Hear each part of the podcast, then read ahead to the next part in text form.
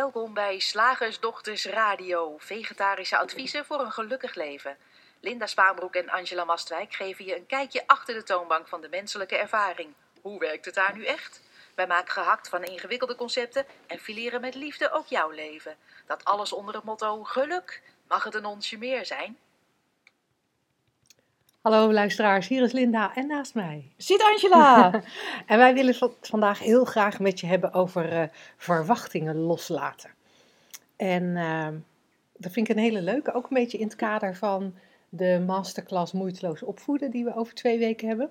Waar, waar, want, want in de opvoeding spelen verwachtingen natuurlijk ook een rol. Hè? Zo, eerst ben je in verwachting, dan is dat kind er en dan, en dan ver, verwacht je weer ja, van alles. precies, precies. En ja, als je er dan, als je dan kijkt hè, naar verwachtingen, wat wij verwachten van, nou ja, van alles en nog wat, dan je, je kan er van alles over zeggen. We hebben hoge verwachtingen van iets of juist lage verwachtingen van iets. We hebben bange verwachtingen, reële verwachtingen, te veel verwachtingen.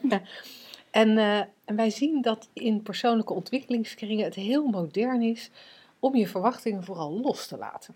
Ja. En dat als je dat nou doet, dan, dan gaat het blijkbaar beter met je. Want die verwachtingen, die, die lijken of ze nou, of ze nou bang of reëel of te veel of te weinig zijn, maar dat het, verwachtingen lijkt een ding te zijn. En uh, wij dachten, dat is wel eens leuk om het over te hebben. Ja. Wat kan je zien op het gebied van verwachtingen waardoor het leven een beetje makkelijker wordt? Nou, om even terug te komen op die kinderen. Je zei het al, dan ben je in verwachting van je kind, dan is het geboren en dan begint het pas goed. Dan verwachten wij van ons kind dat het oh. op tijd doorslaapt. We Ja. verwachten van ons kind dat het wel een beetje in het redelijke schema van oei, ik groei zijn ontwikkelingssprongetjes maakt. Eh, dan verwachten wij ook dat uh, zo'n kind s'nachts uh, goed doorslaapt. Dat hij op tijd zijn, uh, begint met zijn, zijn fruithapjes eten. Dat hij dat Ja. ook lekker vindt. Op instructie van het constellatiebureau. Ja. En eh, nou ja, zo gaat dat eigenlijk maar door. Ja. We hebben verwachtingen Oh. over school, over Ja. de toekomst, over Ja. wat ze later moeten worden, hoe goed ze moeten zijn in sport of juist in muziek. Ja, en, en vaak ook heel subtiel. Hè? Niet, niet eens dat je denkt van nou, weet je, het maakt me niet uit als hij maar gewoon lekker beweegt. En, en eh, ehm, het kind mag zijn zoals het, zoals het is. Mhm. Maar heel subtiel, tenminste als ik terugkijk. Ja, hij mag zijn zoals hij is, Ja. maar niet voor de tv de hele dag. En- nee, precies. hij, hij mag zich helemaal uitdrukken zoals hij wil, maar ehm, dat geklodder op het behang. dat weer niet. Dat alweer niet. Nee, maar, Hij mag mij ook met jij aanspreken, want we zijn uiteindelijk gelijkwaardig. ja, Maar hij, hij hoeft niet brutaal tegen me te worden. hij moet wel respect hebben voor mij. Dat, dat is dan, dat is wel het minste wat je kan verwachten. Ja, Ja. ja. Ja. en we zitten er nu natuurlijk een beetje over te grappen. En, en het, kan, het kan klinken alsof wij zeggen, joh, ehm, laat alles gewoon los en, en laat dat kind wild rondrennen. Het maakt allemaal helemaal niet uit. Je hoeft er helemaal niks aan te doen. Dat is, dat is niet helemaal de, de richting waarin we verwijzen. Maar we willen, we willen wel graag dat, dat dogma wat verwachtingen tegenwoordig is, toch ook een beetje bekijken. Want ehm, er in ieder geval iets ander licht op schijnen. Want verwachtingen, zo- ook zoals wij er nu over praten, hè, wordt, worden verwachtingen wel ook in het, in het hoekje gestopt van, eh, zeg maar het verboden hoekje. Verwachting is eigenlijk niet goed. Nee. Eh, als ik ehm, verwacht dat mijn vriend met Valentijnsdag bloemen voor me koopt En hij doet het niet. en hij doet het niet, ja, dat is ook niet goed. Ik leg met die verwachtingen, zet ik mezelf klaar voor teleurstelling en ik, ik leg allerlei druk op hem. Dus nee, dat soort verwachtingen mogen we niet. Ja, interessant. En ik, een, een, een- paar jaar geleden vond ik verwachtingen ook een, een ding. Ik dacht, ja, dit zijn eigenlijk, eigenlijk moet je dat niet hebben, want dan heb je meer open blik. En ik, ik schreef toen ook ergens ooit een keer in een blog van verwachtingen, dat zijn maar vervelende dingen, want ze staan zo in de weg van de realiteit. en inmiddels heb ik daar toch een beetje een andere, een, een, eh, ja, een andere insteek in. Van, eh, wat, wat zijn er nou eigenlijk verwachtingen? Want we gaan er ook met die uitspraak, die klinkt heel spiritueel, maar dan gaan we ervan uit dat verwachtingen iets zijn. Ja, dat, dat het inderdaad iets is wat vorm heeft en wat inderdaad ergens kan staan. En jij moet er maar In omheen zien. Ja, jij moet er maar omheen zien te komen. Ehm, Of loslaten. Het interessante is dat ik, eh, ik, ik, heb, ik heb die discussie wel eens met mensen over verwachtingen. En ik snap het probleem van verwachtingen nooit zo. Eh, want mensen zeggen ook wel eens van, eh, ja, maar ja, als je verwachtingen hebt, dan word je teleurgesteld. En ik, dat, vind, dat snap ik al niet waarom dat erg is. Ehm, en ik, ik vind bij, ik zelf heb bij verwachtingen ook van, ik kan, ik kan zo heel verwachtingsvol zijn over een vakantie of zo. En vervolgens ga ik op vakantie en, nou ja, dan leef ik bij de dag en neem ik wat er komt. En dan denk ik, er is toch niet, ja, dan heb ik toch leuk voorpret gehad. ja, ja, uiteindelijk is nou, het... kan jij me dat uitleggen waarom dat dan erg zou zijn? Ik heb geen idee. Ik heb geen idee. Maar toen ik net naar, de, naar die jingle luisterde waarmee wij altijd openen, dan hoor ik, eh, ik heb hem zelf ingesproken, eh, maar, maar hij is niet zo heel duidelijk volgens mij. Ik hoorde mijzelf zeggen, ehm, wij leggen uit wat de wenselijke ervaring is in plaats van de menselijke ervaring. En dat vond ik heel grappig dat mijn oor dat hoorde, want ik dacht, oh, dat is eigenlijk waar we het over, over gaan hebben. Eh, we spreken over verwachtingen. Hè? Als we gaan zeggen, nee, we moeten het loslaten of we mogen ze niet hebben. Als, alsof, alsof ze iets, ons iets kunnen doen. Alsof het eh, een, een speciaal soort gedachte is. Ja. Een heel speciaal soort gedachte die, eh, ja, die, die dus eh, kwalijk kan zijn als de realiteit vervolgens niet aan die gedachte voldoet. Of eh, ja, die je dus los moet laten om een fijn leven te leiden. Maar zoals jij al zegt, van, als je verwachting hebt, oh cool zeg, we gaan leuk op vakantie. En, eh, wat is daar mis mee? ja, die snap ik dus ook niet Nee, zo goed. Nee. Kijk, als je nou vervolgens op die vakantie. Er gaat iets zogenaamd mis, hè, wat wij beoordelen als, eh, als mis. Het is niet de wenselijke ervaring, maar wel de menselijke ervaring. Ja, zoals, zoals vorig jaar, toen ik, eh, toen ik eh, eh, met mijn vriend en de camper in Schotland wa- waren in Schotland. En de verwachting van die dag was dat wij naar een bepaald plaatsje toe zouden rijden en daar op een camping zouden overnachten. en toen gingen we even tanken en geheel vol automatisch gooide ik benzine in de dieseltank. Ja. Daar kunnen auto's eh, niet goed tegen, campers ook niet. Ehm, en ik, ik reed weg bij de pomp, want het was een benzinepomp bij een eh, supermarkt. En ik reed weg bij die pomp om op het parkeerterrein te gaan staan. Eh, mijn vriend was even de supermarkt in en ik, ik ben gestart. En ik rijd naar die parkeerplaats en ik denk, "Ah, ik heb het verkeerd gedaan. dus ik had het heel snel in de gaten, eh, voordat er ook iets misging met de motor. Dus ik heb die auto uitgezet. En eh, ja, toen bleek dat we de Engelse ANWB moesten bellen. Of eerst de Nederlandse, die dan vervolgens contact op gaat nemen met de Engelse. Eh, of de Schotse in ieder geval, eh, de, de, de, de Great Britain ANWB. En ehm, dat die tank leeggehaald moest worden. En dat eh, kon niet die dag. Het was zondag. Ik had ook wel een goede dag Jij had het echt heel fijn geregeld. Dat kon niet. Eh, dus ehm, wij, wij moesten daar blijven staan tot de, volgende, eh, tot de volgende dag. En dan konden we hopelijk opgehaald worden door ehm, een, een autobedrijf uit de buurt. Was ook nog niet helemaal zeker. Dus wij konden niet weg op dat parkeerterrein. Dus ehm, er werd niet aan onze verwachtingen voldaan. Maar wat er in praktijk gebeurde, was dat ik even naar binnen ben gelopen bij de supermarkt om te vragen of wij daar mochten blijven staan. Verklaren waarom wij daar bleven staan. Ehm, en eh, ja, dat was natuurlijk geen probleem. En als je koffie wil pakken, pak lekker koffie. En als je hier naar de wc wil, ga je gang. Helemaal goed. en, eh, en wij hebben dus, wij hebben dus eh, ja, bijna 24 uur gebivakkeerd op een parkeerterrein voor de supermarkt. En in, en in Schotland zijn de supermarkten open van 7 uur s ochtends tot 11 uur s avonds. Dus Mhm. je hebt heerlijk gezelschap zo. Ja, je hebt, je hebt voortdurend wat te zien. Maar het, ik vertel het verhaal eigenlijk omdat daar was sprake van verwachtingen. Ja. En die verwachting kwam niet uit. En ik weet niet of het daar iets mee te maken heeft, maar misschien wel omdat, ja, ik had een gedachte over hoe de dag zou verlopen. Maar het was niet alsof ik geloofde dat dat wat ik bedacht had de beste optie was, of dat ik daar de leukste dag door zou hebben. Of ik had verder geen bijgedachten. Nee. Dus dus ook al had ik wel een beetje gemijmerd over wat er die dag zou gebeuren, het feit dat het anders liep was eigenlijk geen probleem. Nee. En in het moment loste, loste het wel op. En ik vraag me af, zou je op die manier ook naar verwachtingen kunnen kijken die je hebt van bijvoorbeeld je kinderen? Of is dat echt een heel ander type verwachtingen? Ja, zo, zoals ik het ben gaan zien, is welke verwachting je ook hebt. Het kan natuurlijk nooit meer zijn dan een gedachte in dit moment. Ik moet ook eigenlijk denken aan, aan wat we zouden betitelen als bange verwachtingen. Die had ik Mhm. vroeger altijd over de toekomst. En hoe zag dat eruit? Kan je daar een voorbeeld van geven? Nou, dan, Neem mij even mee in jouw film. Nee.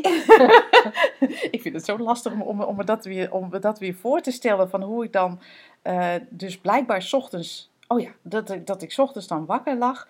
En, eh, of, of wakker werd in bed. En, ehm, en dan eh, stond er die dag iets te gebeuren. Ik kan zo geen concreet voorbeeld noemen. Misschien dat die straks nog opkomt. Je moest naar het consultatiebureau. Je noemde hem net al. Ja, nou daar had ik nog op poep aan, dus dat vind ik niet zo'n goed voorbeeld. maar ik moest dan iets doen waarvan ik bedacht had, oh dat is misschien wel eng. Een, een docent van mijn kinderen spreken. Ik noem maar wat over iets wat voorgevallen was, waarvan zij gezegd hadden, dit kan dus niet langer zo met dat kind van jou, die eh, eh, dus echt eh, niet van plan is om te leren lezen. En misschien dat we aan bijles moeten gaan denken, waarvan ik dan vond, ah, dat komt wel goed. Ik noem maar wat, hè. Dus, dus dan, dan 's ochtends in mijn bedje wakker en dan, en, en, en dan bange verwachtingen hebben over het feit dat ik, ehm, dat ik mij niet goed uit zou kunnen drukken, niet goed zou, mijn kind zou kunnen verdedigen, ondergesneeuwd zou raken door de, de professionele mening van de docent tegenover mij. Dat soort dingen. Dus daar ging ik mij eigenlijk van tevoren, ging ik bange verwachtingen eh, ehm, eh, in mijn hoofd zitten halen. En, ehm, ja, en, het, en het interessante was dan, dan, dan ga je dus naar zo'n zo'n bijeenkomst toe met een soort idee van, oh jeetje, eh, als ik het maar goed doe, als ik er maar de juiste dingen zeg, als hier maar de uitkomst uitkomt die ik wil. Mhm. Hè, want het leven moet wel een beetje lopen zoals Angela bedacht heeft. Dat lijkt mij namelijk het leukste, het leukste scenario. En vervolgens gebeurde er altijd iets anders, net als bij jou eh, op de parkeerplaats. Ja. En uiteindelijk ach, was het, was het best een hartstikke leuke ervaring op die parkeerplaats. Ja. Hoe vaak in je leven maak je nou mee dat je mag kamperen op een parkeerplaats van een supermarkt? Toch, dat gebeurt toch nooit? oh, jou wel. Jij mag dat best vaak. Ja, ik- ja, ja, ja. Dat is dan toevallig een ervaring Nou Voor mij die was ik- het een nieuwe. Ze hebben trouwens in verschillende landen, dat even totaal terzijde tussendoor, maar bij, bij, eh, bij de Lidl of Aldi, dat weet ik niet, maar hebben ze gewoon speciale camperplekken op de parkeerplaats. Oh, en s ochtends, grappig, ochtends verse warme broodjes. Dit even als tip voor eh, vakantiegangers. voor de reizigers onder onze luisteraars. oh ja, leuk. Ja, maar verwachtingen, bange verwachtingen of optimistische verwachtingen of verwachtingen over je kind, over hoe het leven eruit moet zien, hoe een ervaring zich moet afspelen volgens jouw idee. Eigenlijk is het allemaal gebakken lucht. Nou, Angela, dan wil ik het wel graag nog even hebben over reële verwachtingen. Oké, ja. Die, eh, die, die, die noemden wij daar net aan het begin. Ehm, toen ik het stukje tekst voorlas wat jij geschreven hebt. dus eh, reële verwachtingen, ehm, ehm, daar wil ik wel graag even naar kijken. Mm. Want, want dat is ook iets wat we, wat we graag tegen elkaar zeggen. Je moet wel reële verwachtingen hebben. Ja. En dan denken we dat reële verwachtingen geen gebakken lucht zijn. Daarom Ja, sloeg ik er eigenlijk op Ja, aan. heel cool. Want de reële verwachtingen, ja, die zijn waar. Ja. Ehm, eh, ik weet niet precies wat de reële verwachtingen zijn. In, in, in mijn beleving is dat altijd ehm, het, het toch een beetje het wat somberder maken dan je eigenlijk hoopt dat het zal zijn. Oh ja. Dat als je dan eh, denkt van, oh mijn trouwdag wordt echt geweldig. Dat dan je moeder tegen je zegt, nou, doe, je, doe een beetje reële verwachtingen. Het zou best kunnen zijn dat het regent. En dat ome Kees erbij is. Die altijd dronken wordt en dan de boel verstiert. En ehm, dat als je dan weer op vakantie gaat, nou, dat het je leuk lijkt om zes weken in een camper te zitten, waarvan twee weken met vier kinderen. Nou, ik zou mijn verwachtingen een beetje bijstellen naar reëel. Want daar zullen best wel dingen plaatsvinden. Ja, En, en je zegt anders, hè? en het lijkt wel alsof reële verwachtingen, dus het bijstellen van wat je hoopt, of waar je naar verlangt, of wat je fantaseert, het bijstellen naar beneden, dat is dan blijkbaar om teleurstelling te voorkomen. Want teleurstelling lijkt een beetje het ehm, ergste te zijn wat een mens kan overkomen. Van teleurstelling, van teleurstelling ja, je neemt het ook weer helemaal niet serieus. Daar gaan we weer klachten over krijgen. Eh, dat, je, dat je te hard hebt gelachen tijdens deze uitzending. Ehm reële, reële eh, wat zei ik nou? Dat ben ik ook nog kwijt. dat teleurstellingen niet mogen in dit leven. Nee, want, want teleurstellingen zijn, zijn blijkbaar erg. En, en teleurstellingen beschadigen je blijkbaar. En dat vind ik een hele leuke om nog heel eventjes ehm, korte metten mee te maken. Want ten eerste zijn reële verwachtingen net zo irreëel als hoge verwachtingen, bange verwachtingen, blije verwachtingen, whatever. Wij, wij, wij verzinnen er maar een woord bij. Maar alles wat we bedenken en, en, en, en kunnen bedenken bij de toekomst, of het nou goed of slecht is, negatief of positief, we zitten het te verzinnen. Dus het is die gebakken lucht waar jij over, eh, het over had. Er is niet zoiets als een reële verwachting. Bestaat gewoon niet. En, en als je dan even kijkt naar, goh, waarom zou je je überhaupt eh, druk maken of de verwachting wel klopt of niet? Dat is vanwege die teleurstelling. Die we overigens dan weer niet hebben als we ons van tevoren heel erg druk hebben zitten maken. Dat is ook een leuke. Dan heb jij van tevoren hele bange verwachtingen gehad. Ja. Je, hebt, je hebt je helemaal op zitten fokken. Eh ben uren, dagen, nachten eh, Ja. ben je aan het, aan het nadenken over Echt. iets. Omdat je er echt bange verwachtingen Ja. over hebt. Dan Pre- is, dan is het moment daar. Preventief aan de Prozac. Preventief, preventieve Prozac, de PP-medicatie. En dan, en dan is het moment daar en dan valt het mee. Ja. En dan ga je daar niet van stuk. Dan gebeurt er eigenlijk niet zo heel veel met je. Nee. Hooguit dat je constateert, Oh, nou, heb ik me daar zo druk om gemaakt? het viel mee. Andersom, denk ik, en dat, maar dan ben je dus wel dagen van slag. Ja.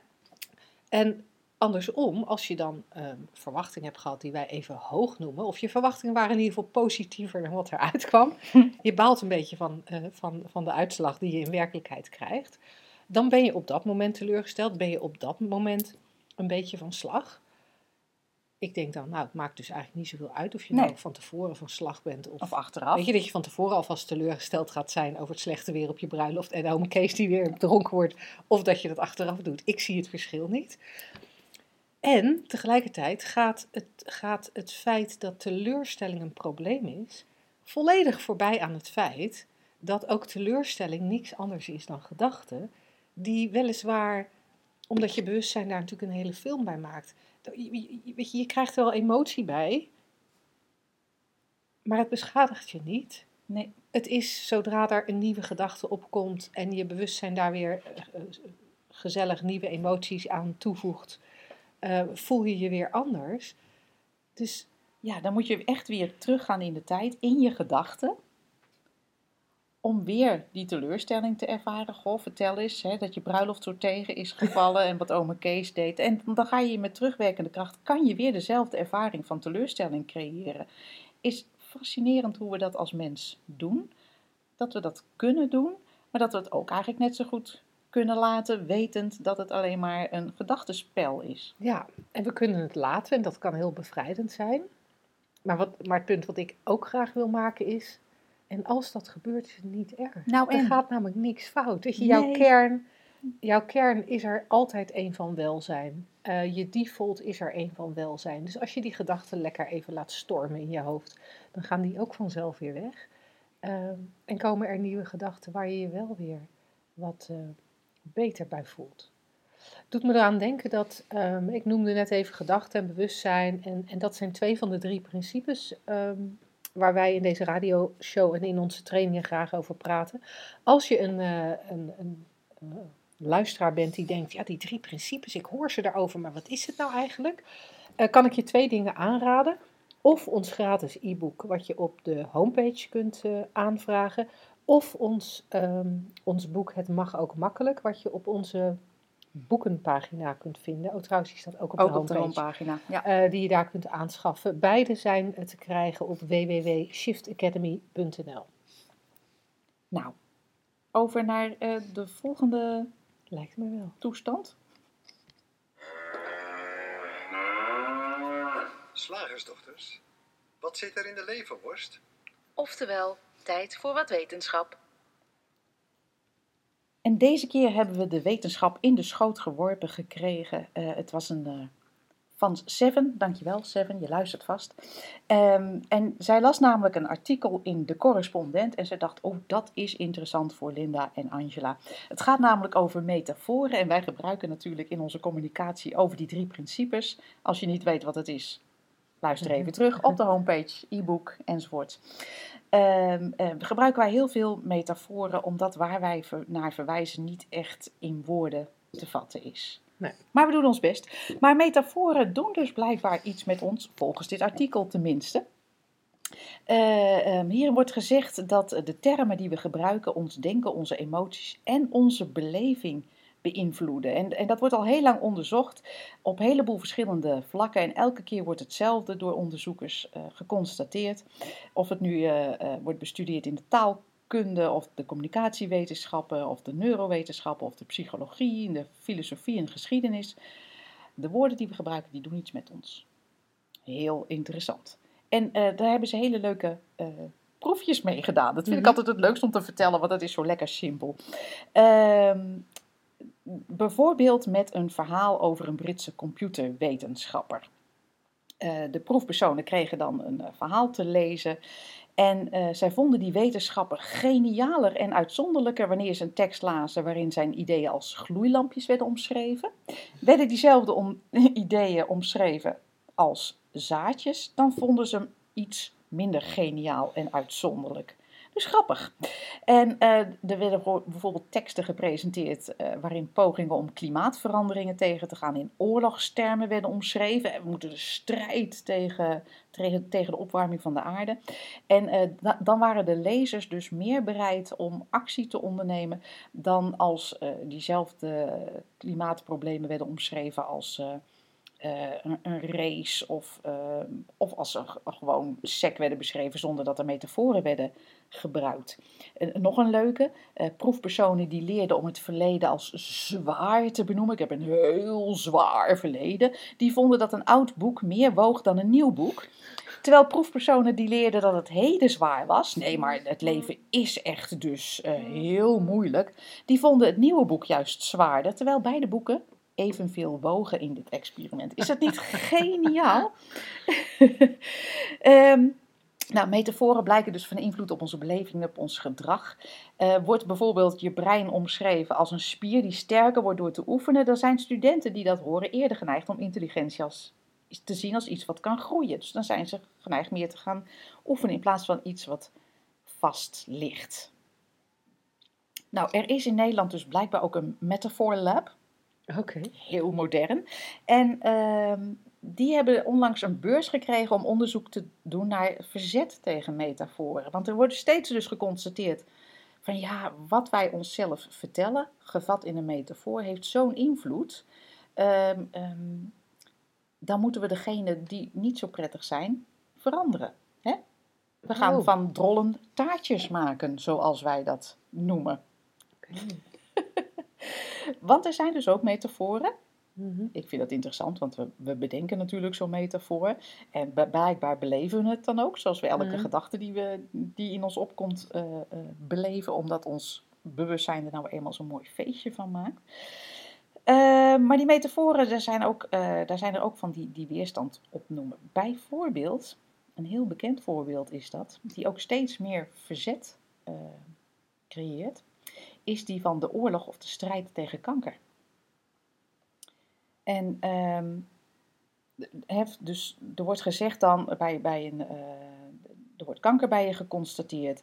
En dan eh, wordt er een beeld geschapen van dat is een, dat moet uit, dat is een vijand die uitgeroeid moet Ja, het is een worden. gevecht. Ja. Het is een gevecht inderdaad. En nou ja, het, dat, men zegt dat zo'n zo'n oorlogsmetafoor heeft een aantal voordelen. Iedereen begrijpt wat het is. Het maakt emoties los, het trekt de aandacht en eh, het brengt dus ook geld in het laadje. En dat is handig voor als je geld wil inzamelen voor de strijd tegen zo'n ziekte.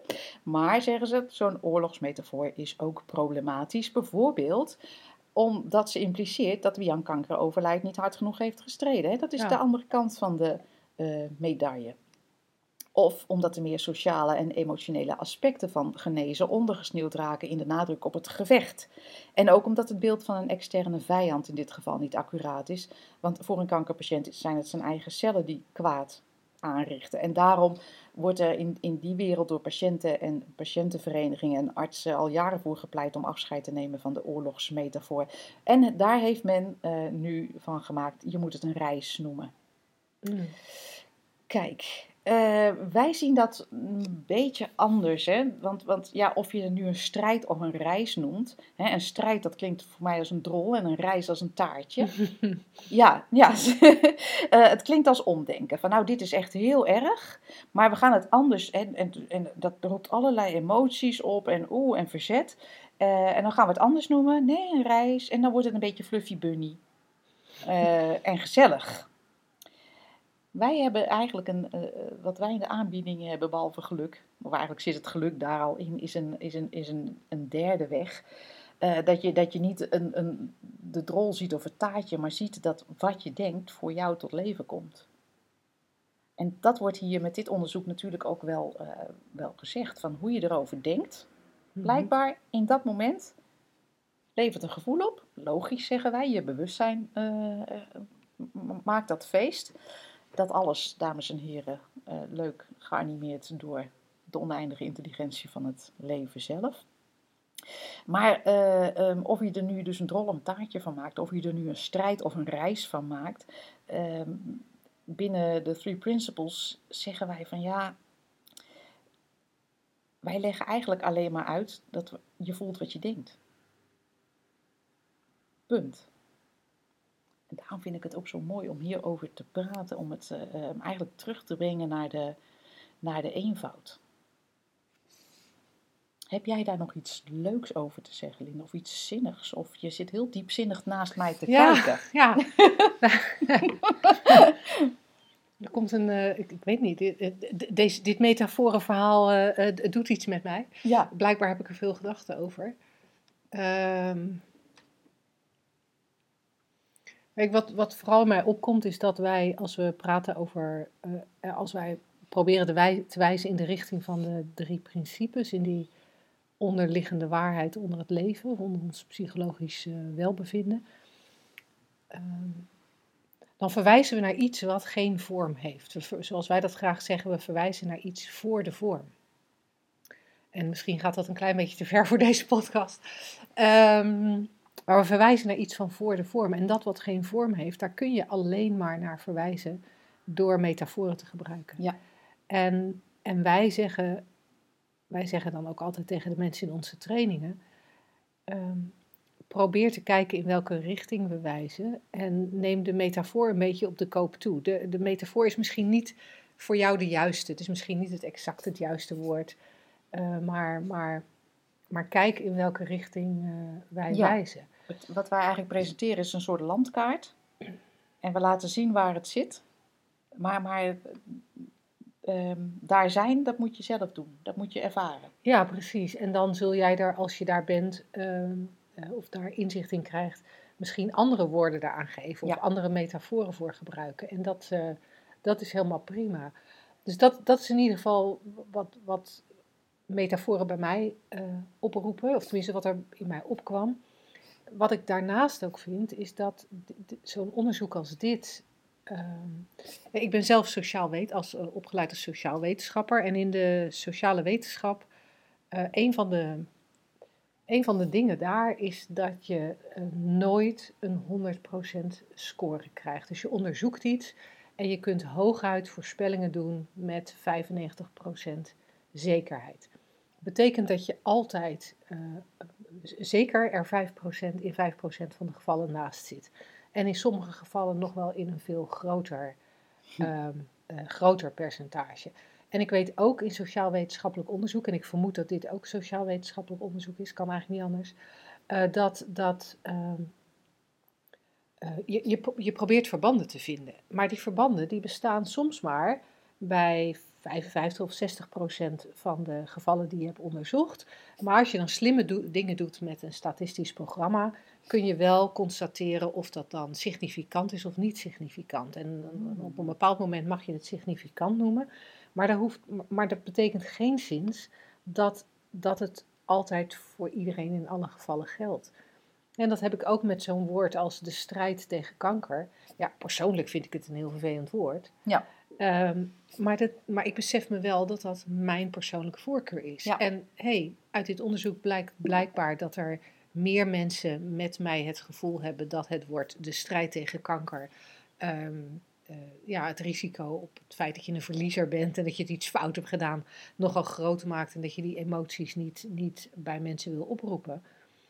Ehm, dus ik, ik snap wel dat het in zijn, hè, dat, dat, dat, dat je een soort grootste gemene deler uit zijn onderzoek krijgt. Eh, maar ik, heb daar, ik merk aan mezelf dat ik daar moeite mee heb. eh, om, om mee te gaan in die, grote, in, in die grootste gemene deler en dat dan als waarheid zien. Ja. Omdat ook, ook dit onderzoek, hè, met, met, met de beste intenties gedaan en ongetwijfeld ook met, met nou ja, om- omdat je door de juiste metaforen graag, eh, graag mensen wilt helpen in plaats van mensen tegenwerken. Ehm, maar het, het, ehm, voor mij is het een beetje ehm, eh, verzinnen voor gevorderden. En Zoals volgens mij bijna alle wetenschap. Maar dat is even wat er in mij opkomt. Ja. Ja, en, en dat, dat is superleuk. Het is superleuk eh, om, om daarmee bezig te zijn, hè, als dat je, je hobby is. Ehm, zoals wij het superleuk vinden om blogjes te verzinnen. Ja. Ehm, dus, dus doe daar vooral je ding in. Maar ik, ik, ja, ik merk aan mezelf van eh, het, het, het wordt snel gezien als een soort waarheid en die is er niet. In de vorm is geen waarheid. Nee. In de vorm die wij met z'n allen creëren met woorden ehm, is geen waarheid. Dus misschien dat dat een beetje mijn, mijn, eh, mijn stilte verklaart. Waarom ik even in stilte raakte. Waarom je even zo diepzinnig zat te kijken. Nou, hartstikke mooi. Eh, wij gaan vrolijk verder met de luisteraarsvraag van deze week. Zeg, slagersdochters, hoe pak ik die vegaburger? Over naar de luisteraarsvraag. Ja, dat is een, eh, een leuke, eh, in mijn ogen een leuke vraag van eh, Suzanne. Suzanne schrijft, hallo Linda en Angela. Ik, ik lees zojuist het door Pauline geschreven blogje van vandaag en daarin lees ik, gedachten zijn nooit waar. Ik heb dit Linda in een video ook al eens horen zeggen en ik begrijp dit niet goed. Ik begrijp dat we onze eigen gedachten creëren, maar dat betekent toch niet dat ze allemaal onwaar zijn? Je kunt toch ook gedachten hebben over feiten die vaststaan? En dan gaat het toch niet om onware gedachten? Kunnen jullie enige uitleg over geven, in welke vorm dan ook? Alvast bedankt, Suzanne. Cool. Wat Dat een, is een hele coole coole vraag. Ja. Ja. Ja. ja, het grappige is, Paulien schrijft in haar blogs eh, regelmatig, eh, je gedachten zijn niet waar. Eh, omdat zij voor zichzelf heel helder heeft gezien, dat zijn haar woorden, als we het toch over metaforen hebben. Zij heeft voor zichzelf heel helder gezien, ja, dat- dat dat is zo. En maar ik kan me heel goed voorstellen dat Suzanne denkt, hé, hé, hé, hé. Maar er zijn feitelijkheden. Ja. En, en, en hoe, hoe, hoe omschrijft ze het? Eh, Gedachten Oh ja. hebben over feiten die, Die vaststaan. Ja. Mm. nou, die zijn er. Ja. Het, het feit is dat hier naast de laptop waarmee wij deze opname maken, een grijs met rode thermoskant staat. Ja. En als we nog iets dieper dit feit induiken, dan kunnen we de knop opendraaien, eraan ruiken en constateren dat er groene jasmijnthee in zit. Ja, Mijn lievelingsthee. kijk. Ehm, dit even voor iedereen die denkt, wat moeten we Linda voor haar verjaardag geven? In april. Ehm, de kan gaat, eh, het feit is ook dat de kan nu gaat piepen. Ja. Maar dan, dan hebben we het over, ja, ik, ik zeg altijd graag eh, eh, tastbaar. Weet Ja. je, wat, wat is het tastbare feit? Ja. En we hadden, we hadden ooit eens een, eh, een, een, training en daarbij vertelde iemand dat er een... eh ze had een brief gekregen Ja. van school Daar moest ik ook aan denken. over haar kind. Ja. En eh, in haar ogen was het feit, op basis van deze brief, dat haar kind zich niet gedroeg op school zoals hoorde en dat het verkeerd met hem zou gaan. En zij zag dat echt als een feit, want ze zei: Kijk maar, die brief die ligt er. Ja. Als Angela en ik er naar kijken, dan is voor ons feit dat er een wit A4'tje ligt met daarop zwarte letters. Ja. En die zwarte letters vormen woorden. En dan willen wij ook nog wel als feit aannemen dat die woorden in dit geval door de rector op papier gezet zijn. Ja, kunnen wij niet bewijzen, maar willen we aannemen. Willen we aannemen.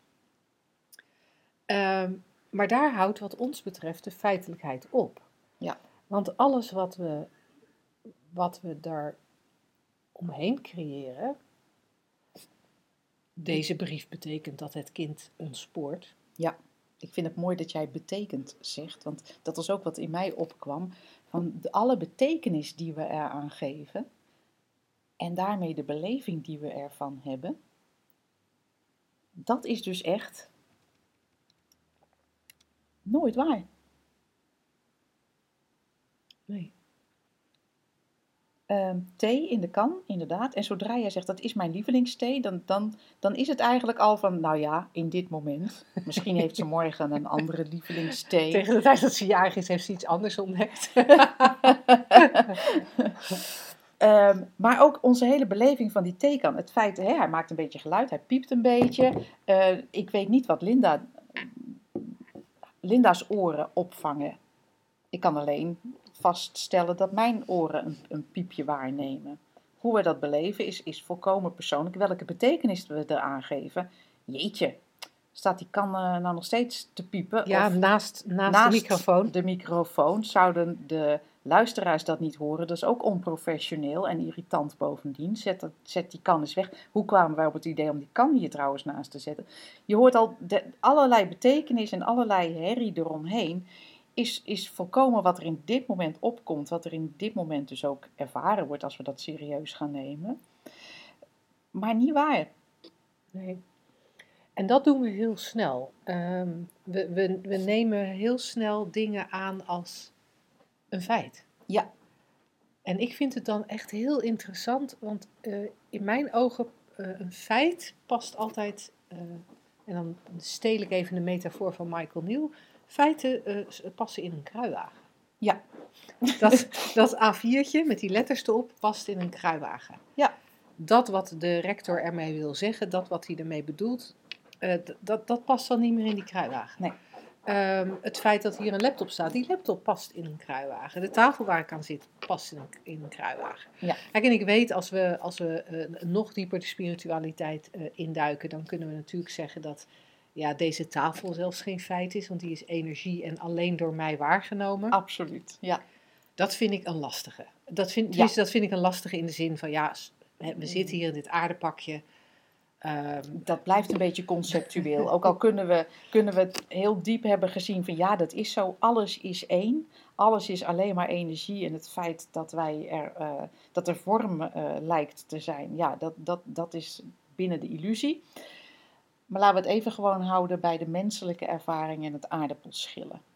Ja, want op het moment dat, dat de, de, de aardappels in jouw aardappelbak, terwijl jij wil gaan schillen, gaan schillen, als die helemaal snotterig geworden zijn, omdat ze te lang liggen, dan, dan die rotte aardappels passen in een kruiwagen. Ja. Die mogen voor mij dan even een feit zijn. En dan is het in mijn ogen praktisch om als je aardappels wil eten, nieuwe aardappels te gaan halen. Ja. Of als je wel goede aardappels hebt, maar je hebt geen aardappelschilmesje, dan eh, eh, zo'n aardappelschilmesje en die aardappels passen ook opnieuw weer in die kruid, kruiwagen. Dan kan het in dit menselijke leven heel handig en logisch zijn om een aardappelschilmesje aan te schaffen. Eh, maar gaan we hetzelfde doen met zo'n brief van de rector? Mhm. die, die, die brief die niet, die brief past wel in die kruiwagen, maar alle betekenis die wij eraan verlenen niet. Of alle, alles wat we erin lezen, want dat is het eigenlijk. We, Ja. we lezen van alles erin. En Ja. dat raakt misschien een beetje aan de verwachtingen waar we het daar straks eh, over hadden. En je, ziet, je ziet je partner binnenkomen met een bepaalde gezichtsuitdrukking. Die gezichtsuitdrukking, dat ehm, eh, zijn ogen een beetje waterig zijn of ehm, zijn mondhoeken een beetje hangen, dat kunnen we nog als een, als een feit zien Je in partner deze past in die kruiwagen. Ja. Maar de betekenis die je verleent aan, aan het gezicht dat hij trekt. Oh, hij heeft een slechte dag gehad. Of oh, hij is boos op mij. Of oh, hij heeft zeker weer in de file gestaan. Of oh, hij heeft geen zin om te koken. Whatever het is waar je, wat, je, wat je erbij bedenkt. Dat past al niet meer in die kruiwagen. Nee. En dat, en dat, is, is dan, en dat is dan onmiddellijk een gedachte Mhm. dan is het geen feit meer, maar een gedachte van jou. Ja. En die is in principe totaal zelfverzonnen. En, en wat ik ook aan, wat je ook een feit zou, zou kunnen noemen, want ik, terwijl ik naar je luister, denk ik, je zou ook kunnen bedenken iets wat niet in, eh, in een kruiwagen past. Ik moet morgen verhuizen. Ik noem maar wat, hè? Je hebt dat afgesproken. Ja, maar die dozen passen allemaal wel in die kruiwagen. Absoluut. Dat huis past ook in die kruiwagen. Ja, Ja. dan moet je hele grote hebben, maar dat is nog Ja. wel tastbaar, toch? Ja, inderdaad. Maar ook het, het, het feit van, oh, ik, ik moet morgen verhuizen. Trouwens, wie zegt dat? Maar oké. Ja, stel daarom. dat, je- stel, dat, stel dat je het hebt, hebt, hebt afgesproken, maar alle betekenis die je daar ook aan verleent. En inderdaad, zoals jij zegt, de, de, de dozen passen erin. En, en ehm, al, al het, eh, weet ik veel, de kinderen voor mijn part, die ook naar dat andere huis moeten. En, en de hond. Maar waar ik even naar verwees, is het feit dat, dat zo'n zo'n zo'n stelling, ik moet morgen verhuizen, van zichzelf totaal ook neutraal is. Ook al past die niet in de, ehm, past die niet in de kruiwagen. Of een, een zin die in zo'n brief staat, is volkomen neutraal totdat wij bedenken wat de betekenis is Ja. voor ons, voor Ook, ja. ons leven, voor mijn relatie, voor mijn situatie, voor mijn kind. Je hoort daar heel veel mijn in zitten trouwens. Vind ik ook Mhm. heel, heel erg grappig. Hè? Dat impliceert ook al dat, dat we het persoonlijk maken. Feiten. De kruiwagen en neutraliteit. Ja. En, en dan even terugkomend, hè, want we zijn nu heel erg ingegaan op, eh, op, op het stukje van, eh, eh, ja, er zijn toch feitelijkheden. Ehm, maar Suzanne haakt ook aan op, dat, eh, op Pauline's uitdrukking van, eh, ja, gedachten zijn niet waar. Nee. Vind ik wel leuk om daar nog even iets over te zeggen.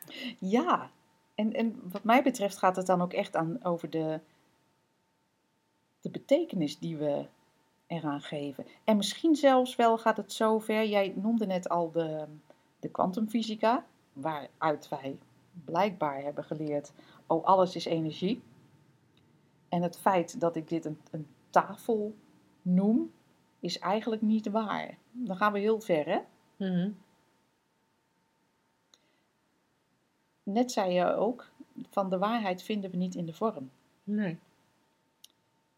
Dat gaat net een stapje verder dan, eh, dan de betekenis geven aan, aan wat je zoal denkt. De betekenis geven aan wat er in die kruiwagen ligt. Ehm, de wereld waarin wij leven, de wereld van de vorm, de wereld van de tafel en de aardappelen, is uiteindelijk een wereld waar de waarheid nooit in te vinden is. Want als er ook maar één persoon in de wereld is die deze tafel anders ziet dan wij, die misschien niet eens een naam heeft voor tafel, geen, geen idee van wat, waar een tafel voor is. Ik kan me zo voorstellen, als je uit een onontdekte stam in de diepe oerwouden van Afrika, ik noem maar wat, net ontdekt, en je hebt geen idee van wat een tafel inhoudt, dat je ernaar kijkt en ook niet eens er een, ehm, ja, een woord voor hebt, een beeld bij hebt waar het voor is, een betekenis, weet ik veel. Dat het, dat het gewoon, dat het niets is voor jou, behalve het feit dat je eraan kan stoten. Ik geloof dat dat voor ieder mens wel hetzelfde is, maar ik hou het open, hè. Ehm, waarheid vinden we niet in de vorm. Jij zei het net ook al. Ja, en, en wat ik heel interessant vind, en waar ik zelf een, eventjes over gedaan heb voordat ik dat zag, mijn gedachten zijn ook een vorm. Ja, En ehm, want hè, of dat nou eh, heel bewust, of ik nou heel bewust woorden geef aan mijn gedachten. Ehm, in, in, in, bij, bij mijn bewuste gedachten, die hebben woorden, hè, dan, dan, dan denk ik iets. Ja. Oh, dat rode flesje staat daar een beetje in de weg. Dan, dan maak ik er woorden, woorden bij mijn gedachten en dan, dan, dan zie je de vorm ook in de vorm van woorden. vorm in de vorm van woorden. En ehm, ja, en, dat, en, en, en, en die vorm, die kan soms best praktisch zijn in het dagelijks leven, eh, in deze menselijke ervaring. Maar zoals we al constateerden, de waarheid zit daar nooit. Die zit altijd voor de vorm. Dus alles wat vorm krijgt, is, is, is, kan nooit iets anders zijn dan gecreëerd door mij. Of in jouw geval gecreëerd door jou. Ja, ik, en ik zat. eh, het, is- heel grappig. Ik had het net zo helder en nu weet ik al niet eens meer welke woorden ik daar aan, eh, aan had willen geven. Oh ja, ehm, waarheid, zoals ik het zie, is onveranderlijk. En alles wat wij waarnemen in de vorm, is altijd veranderlijk. En wat verandert kan geen waarheid zijn. Hmm. Dat is wel een hele mooie diepe om onze luisteraars even mee, eh, mee achter te laten. Nou, het over diep hebben. Als je nou het gevoel hebt van, goh, ik zou, ik zou hier wel eens dieper in willen duiken, dan kan dat. Hè? We hebben onze eh, maandelijkse masterclasses. Ehm, we hebben in april ook eh, de driedaagse dieper inzicht, maar die is eh, inmiddels, die was eigenlijk half maart al uitverkocht.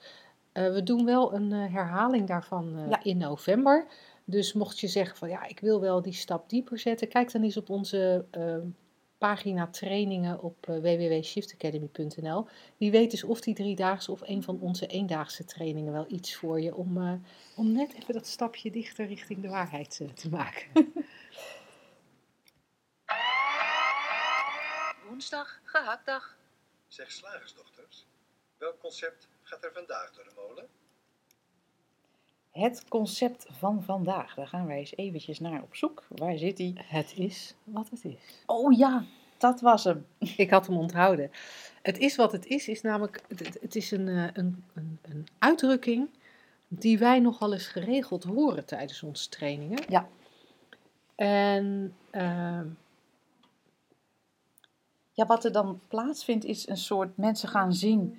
Hé, hey, wacht even, wacht even. Waar we het net over hadden, hè, die, die, die betekenis die we geven. Oh, dat zit, ik, dat zit ik gewoon te verzinnen. Van zichzelf is alles neutraal. Ja.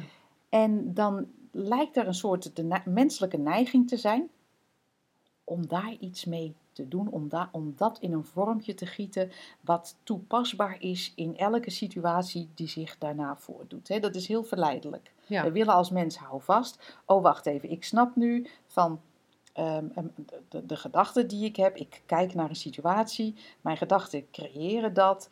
Mijn, de, de betekenis die ik geef zorgt ervoor voor een bepaalde ervaring, een menselijke ervaring. En soms ziet het er niet leuk uit, maar ik weet ergens in mijn achterhoofd, het is neutraal. Oh ja, welk trucje doen we dan? Oh ja, het is wat het is, hè, gelukkig. Heel interessant vind ik daarbij dat we dat nooit zeggen over die prachtige vakantie naar de Malediven. Goh, vertel eens, wat, wat was, dat, was, het, uh, was het fijn? Oh, het was heerlijk, het was fantastisch weer. En ik lag daar op mijn bedje aan het witte strand met de oceaan voor mij en een zacht briesje. Ik hoorde nooit iemand zeggen, maar ach, het was, het is wat het is. En nee. daarmee geef ik al aan dat we het als trucje gebruiken om wat wij als negatief zien te neutraliseren. En dat is wat ons betreft net een stapje te ver. Ja, en, en ik vind het grappig dat je nu weer het woord, net zei van het, het, het, een situatie is neutraal of iemand gaat zien dat het, een gedachte is eigenlijk altijd neutraal, wij geven er betekenis aan. En nu zeg je, gebruik je weer het woord neutraal, maar dan in de vorm van neutraliseren. Um, en, en voor mij, op het moment dat er, een, dat er een handeling nodig is, heb je eigenlijk de neutraliteit niet gezien. Ja. Geef en niks. dat is niet erg. Nee, dat wil ik ook zeggen. Nee, dat is dat helemaal niet erg. Nee. Dwing jezelf vooral niet om overal neutraal over te zijn. Sterker nog, ik vind het helemaal niet leuk om overal neutraal over te zijn. Ik Je vind het enorm leuk om deze menselijke ervaring met al zijn emoties te beleven. Dus ik ben af en toe totaal onneutraal. Eh, alle kanten op, hè? Ja, nee, we zijn geen kamerplant. En, ehm, maar je legt jezelf eigenlijk heel erg vast. In mijn ogen sla je jezelf enorm dood door te gaan roepen: het is wat het is.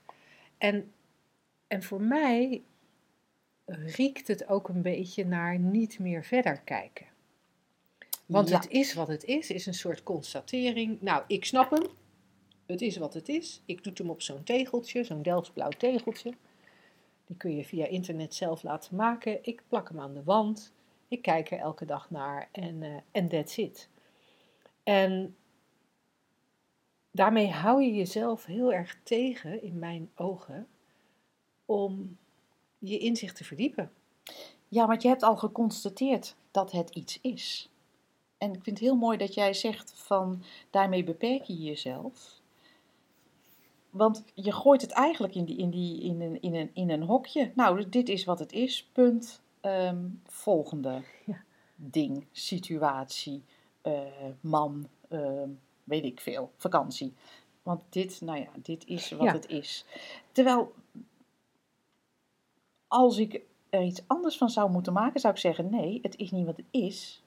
Het is maar wat we in het moment denken. Maar wat we in het moment denken is volkomen random, variabel. We kunnen in drie minuten tijd een volkomen andere gedachte hebben, waardoor wat we eerder vastgesteld hadden, wat is, iets heel anders wordt, er heel anders uitziet. Onze hele wereld kan er anders uitzien met, met één nieuwe gedachte. Dus het is wat het is. Ik vind het heel mooi dat je zegt, je beperkt jezelf ermee.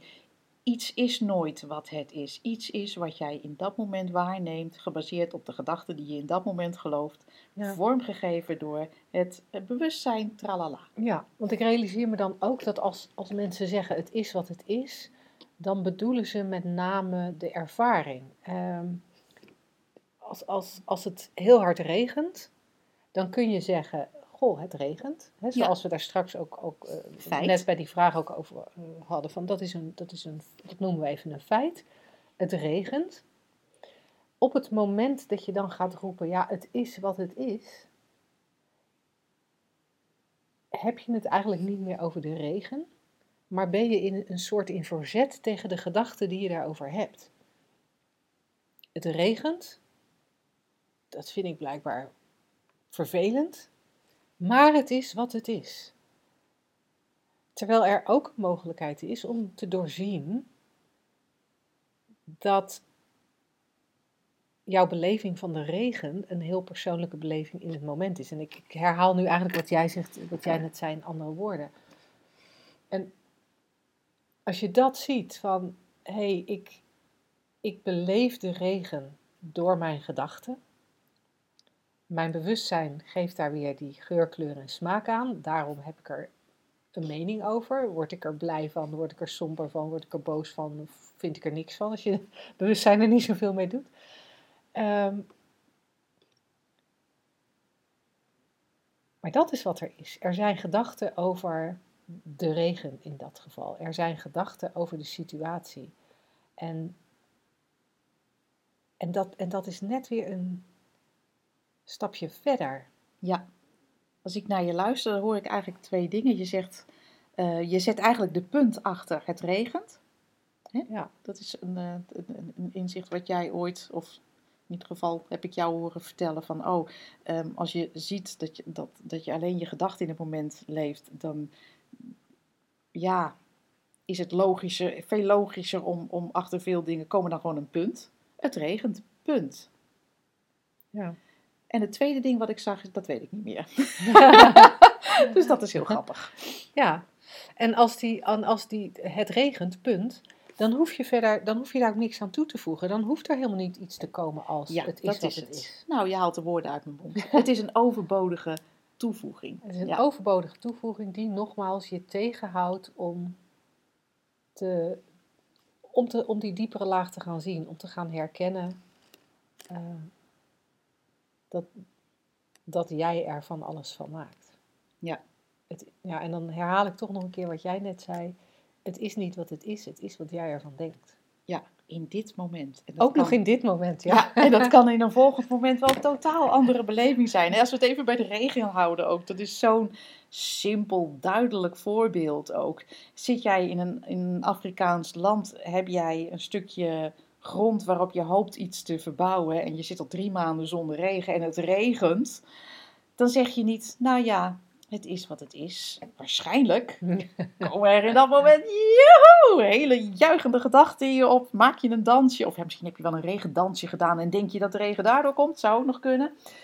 Ehm, dan is er een heel andere beleving. Er komen anders, andere gedachten op. Als dat jij al drie maanden in Schotland rondrijdt en je vindt regen al niet zo leuk. Heb je, je hebt ooit, ooit bedacht dat het een, eh, regen een belemmering vormt. Jij hebt die gedachte niet, hè? Nee. Nee, nee. In Linda's beleving is, is regen niets. Vormt geen enkele belemmering. Ehm, en, en dan regent het voor de derde achtereenvolgende maand. Ja, en, en dan is er dus de neiging om daar iets aan toe te gaan voegen. Om van die, Ja. die, om, om van die drol, om die te pletten. Hè? Geen taartje ervan maken van, oh nee, maar regen is ook niet erg hoor. En, en wat ik leuk vind bij dit voorbeeld, je kan, je kan die, die ehm, wisseling in hoe je er tegenaan kijkt, of die, die, die verschillende mogelijkheden om, om, om eh, die regen te ervaren, soms ook in jezelf eh, misschien wel herkennen. Want als je het als je dichter bij huis houdt in één persoon, eh, kan ik me zo voorstellen dat je ochtends wakker wordt en je had eigenlijk afgesproken om vandaag gezellig naar de markt te gaan eh, met, eh, met je vriendin. En je staat op en het komt echt met bakken uit de hemel, bakken uit de hemel. En op dat moment vind je dat misschien even teleurstellend, omdat je je echt had verheugd om naar de markt te gaan met je vriendin. En vervolgens belt die vriendin en die zegt ook nog eens, ja, ik ben ziek. En nou ja, je had toch die hele, hele dag eh, vrijgehouden. Eh, eh, dus in het volgende moment denk je, weet je wat, Netflix, dekentje, lekker kopje chocomel. En, en even later zit je op de bank en ben je helemaal blij met die regen. Want het is zo'n heerlijke uitnodiging geweest om nou eens zo'n momentje voor jezelf te pakken voor Netflix. Weet je, dat kan zo, Ja, als je die gedachten laat vloeien. En dat, dat is misschien wel de grootste uitnodiging die wij doen aan onze luisteraars. Als je de bereidheid hebt om je gedachten te laten vloeien, dan, dan kan er in elk moment weer iets nieuws opkomen. En omdat ons, onze default setting er toch eentje is van naar welzijn en naar geluk. Ja. ehm, als je het systeem de kans geeft, komen er gedachten op waardoor de regen in dit geval oké is, of leuk wordt, of whatever. Ja. Ja, ik vind dat je een heel mooi beeld daarvan schetst, inderdaad. Hoe vloeibaar die gedachten kunnen zijn en dat we geen enkele. Ja, dat er geen vaststelling nodig is van hoe de, hoe de dingen eruit zien. Het is overbodige. Over een overbodige exercitie om, om eh, vast te stellen van wat er, wat er is. Want je denkt maar wat. Ja, ja. Nou, dat lijkt mij een mooi besluit van deze uitzending. Heel erg bedankt voor het luisteren. En heel graag tot volgende week. Tot dan.